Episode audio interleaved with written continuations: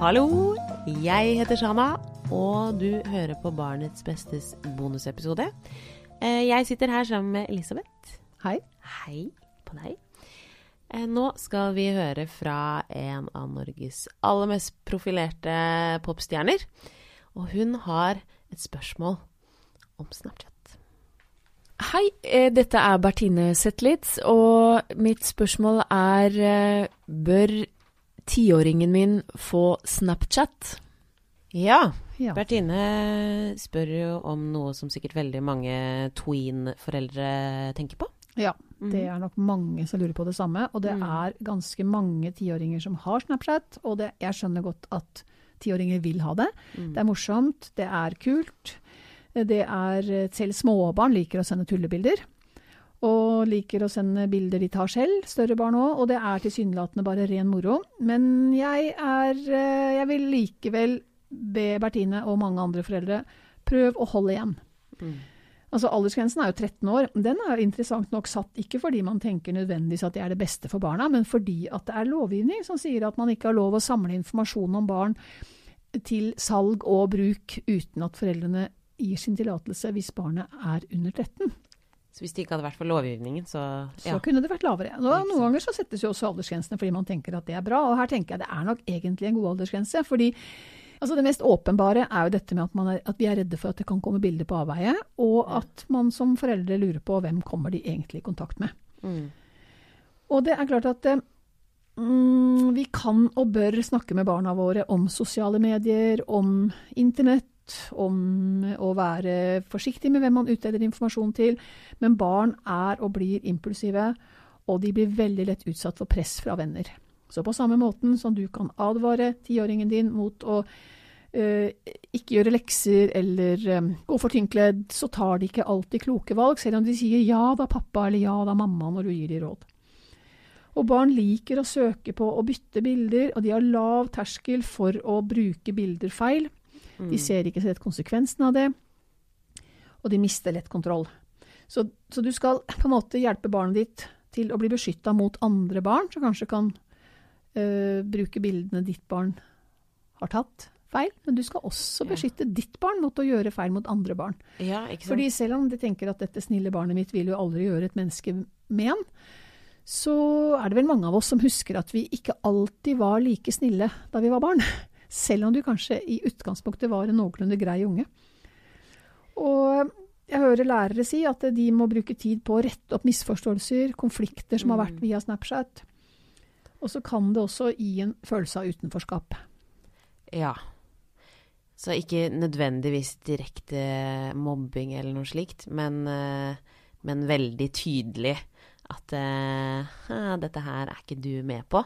Ja, Og så kan man bli nesten sånn avhengig av å følge med på hva eh, kompisen din eller klassekameratene gjør til enhver tid, da. Ja, for da er det overhodet ikke ment som en sånn ad-arbeid og du får ikke være med, men du Mm. sitter og kanskje kjeder deg på en lørdag, eller du er tvunget med på hytta, eller hvor du er hen, og så ser du plutselig på Snap at de to bestevenninnene dine, de, de sitter på Peppes, de. Ja. Der er de, ja. Du er ikke engang invitert med, så du får liksom gnidd inn hva de andre gjør som er morsomt.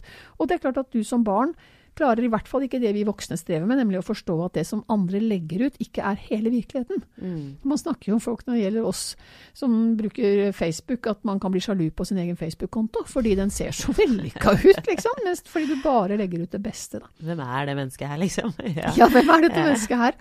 Og så kan du si at ja, ja, barn opplever at de gjør feil, og alle gjør feil, og det er ikke så farlig om noe, noen blir gjort feil. Men jo, altså på disse sosiale mediene så kan det få ganske fatale konsekvenser hvis du da, særlig når det gjelder sånn type mobbing Mm. på, og, og eh, misforståelser som kommer. Så jo eldre man er, jo mer moden er man til å kunne i hvert fall begynne å reflektere rundt det og ha et visst filter når man bruker f.eks. Snapchat. Da. Ja, litt større impulskontroll, Ja. litt mer innlevelsesevne i andre, Mm. litt mer filter i forhold til å ta seg nær av ting, men ikke veldig tjukt filter. Da. En 13-åring blir fryktelig såra av den nå, men kanskje litt større. Også dette med litt mer forståelse for at det kan være falske profiler, eller at personer ikke er den de gir seg ut for, eller at hun som lovte å ikke vise bildet til noen, likevel tok en skjermdump. Mm. Jeg spurte nevøen min på 19 syns du en tiåring skal ha Snapchat, spurte jeg i går kveld før vi skulle inn hit i dag, og han sa nei, det er mange shady folk der ute, sier han.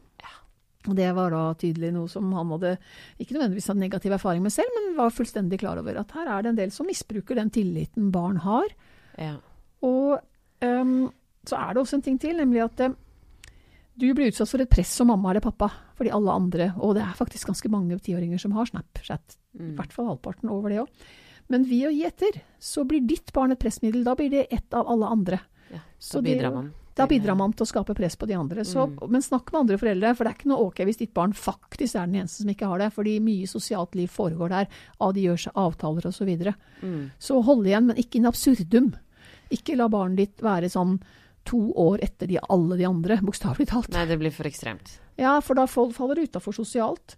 Men også er det det at mm, Snap blir enda en kilde til for mye skjermtid. Og det er jo ikke så veldig mange tiåringer i dette landet som har for lite skjermtid.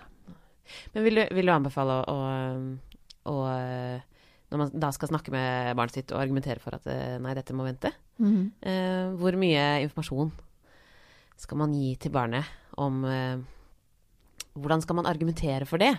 Ja, det var et godt de- spørsmål. Hvordan skal du si nei? Altså, Mm. Det ene er man kan selvfølgelig appellere til dette med at dette er en aldersgrense, og den er satt med en god grunn. Ja. Litt sånn som når du nekter å ta dem med på kino på for høye aldersgrenser. Men jeg tror jeg ville snakket med tiåringen om at eh, det er så fort gjort at dette ikke bare blir gøy, at det kan bli trist, at det kan bli dumt. Og at det skjer, det skjer lett misforståelser. Man kan bruke seg selv som eksempel. F.eks. å si at bare med vanlige meldinger, så kan jeg, har fått selv opplevd at jeg sitter og taster med en person, og så blir den andre plutselig fornærma. Ja. Og du forstår ikke hvorfor. Ja. Fordi vedkommende har lest noe annet inn i din tekst enn det du, du tenkte at du var humoristisk, Mm. mens hun trodde jeg var helt alvorlig. Så disse misforståelsene du selv opplever òg, kan du bruke litt som eksempel. Og dette med, også det, dette med at um, det kan være mennesker der ute som sniker seg inn på deg. Ja. At, at det er ikke lett å vite hvem du egentlig chatter med, eller snapper med. Så det er greit å fortelle litt om uh, the shadiness. Ja, uten at du går i sånne Ja. grusomme detaljer som skremmer barnet ditt, men Mm. at du forklarer. Og det, det gjelder jo generelt når det gjelder bildedeling også. Eh, jeg personlig har ikke nødvendigvis lagt ut sånn sagt så fryktelig mye til de så små barn. Åtte, ni, tiåringer som har fått seg mobil, og de kan dele bilder på den. Mm. Og si at du må ikke dele nakenbilder. Det har kanskje aldri niåringen falt henne inn engang. Men jeg har mer sagt sånne ting som at ikke send bilder til noen som du ikke vil at alle skal se. For husk at venninnen din kanskje har en storebror som kan koden hennes. Mm. Og han tar kanskje det bildet. Og det kan niåringen se for seg. De klarer ikke å se for seg at venninna svikter de, men de kan veldig godt se for seg en litt langfingra storebror. Ja, det var lurt. Ja, da håper jeg at eh, Bertine fikk noen gode råd der. Det er ikke et lett eh, valg, det her. Nei, det med press fra alle kanter. Um, men vi er tilbake neste uke, vi, Elisabeth, Det er vi. med en ordinær episode. Og da er det bare å ønske deg som lytter en god dag, og vi høres. Det gjør vi. Produsert av Flink pike.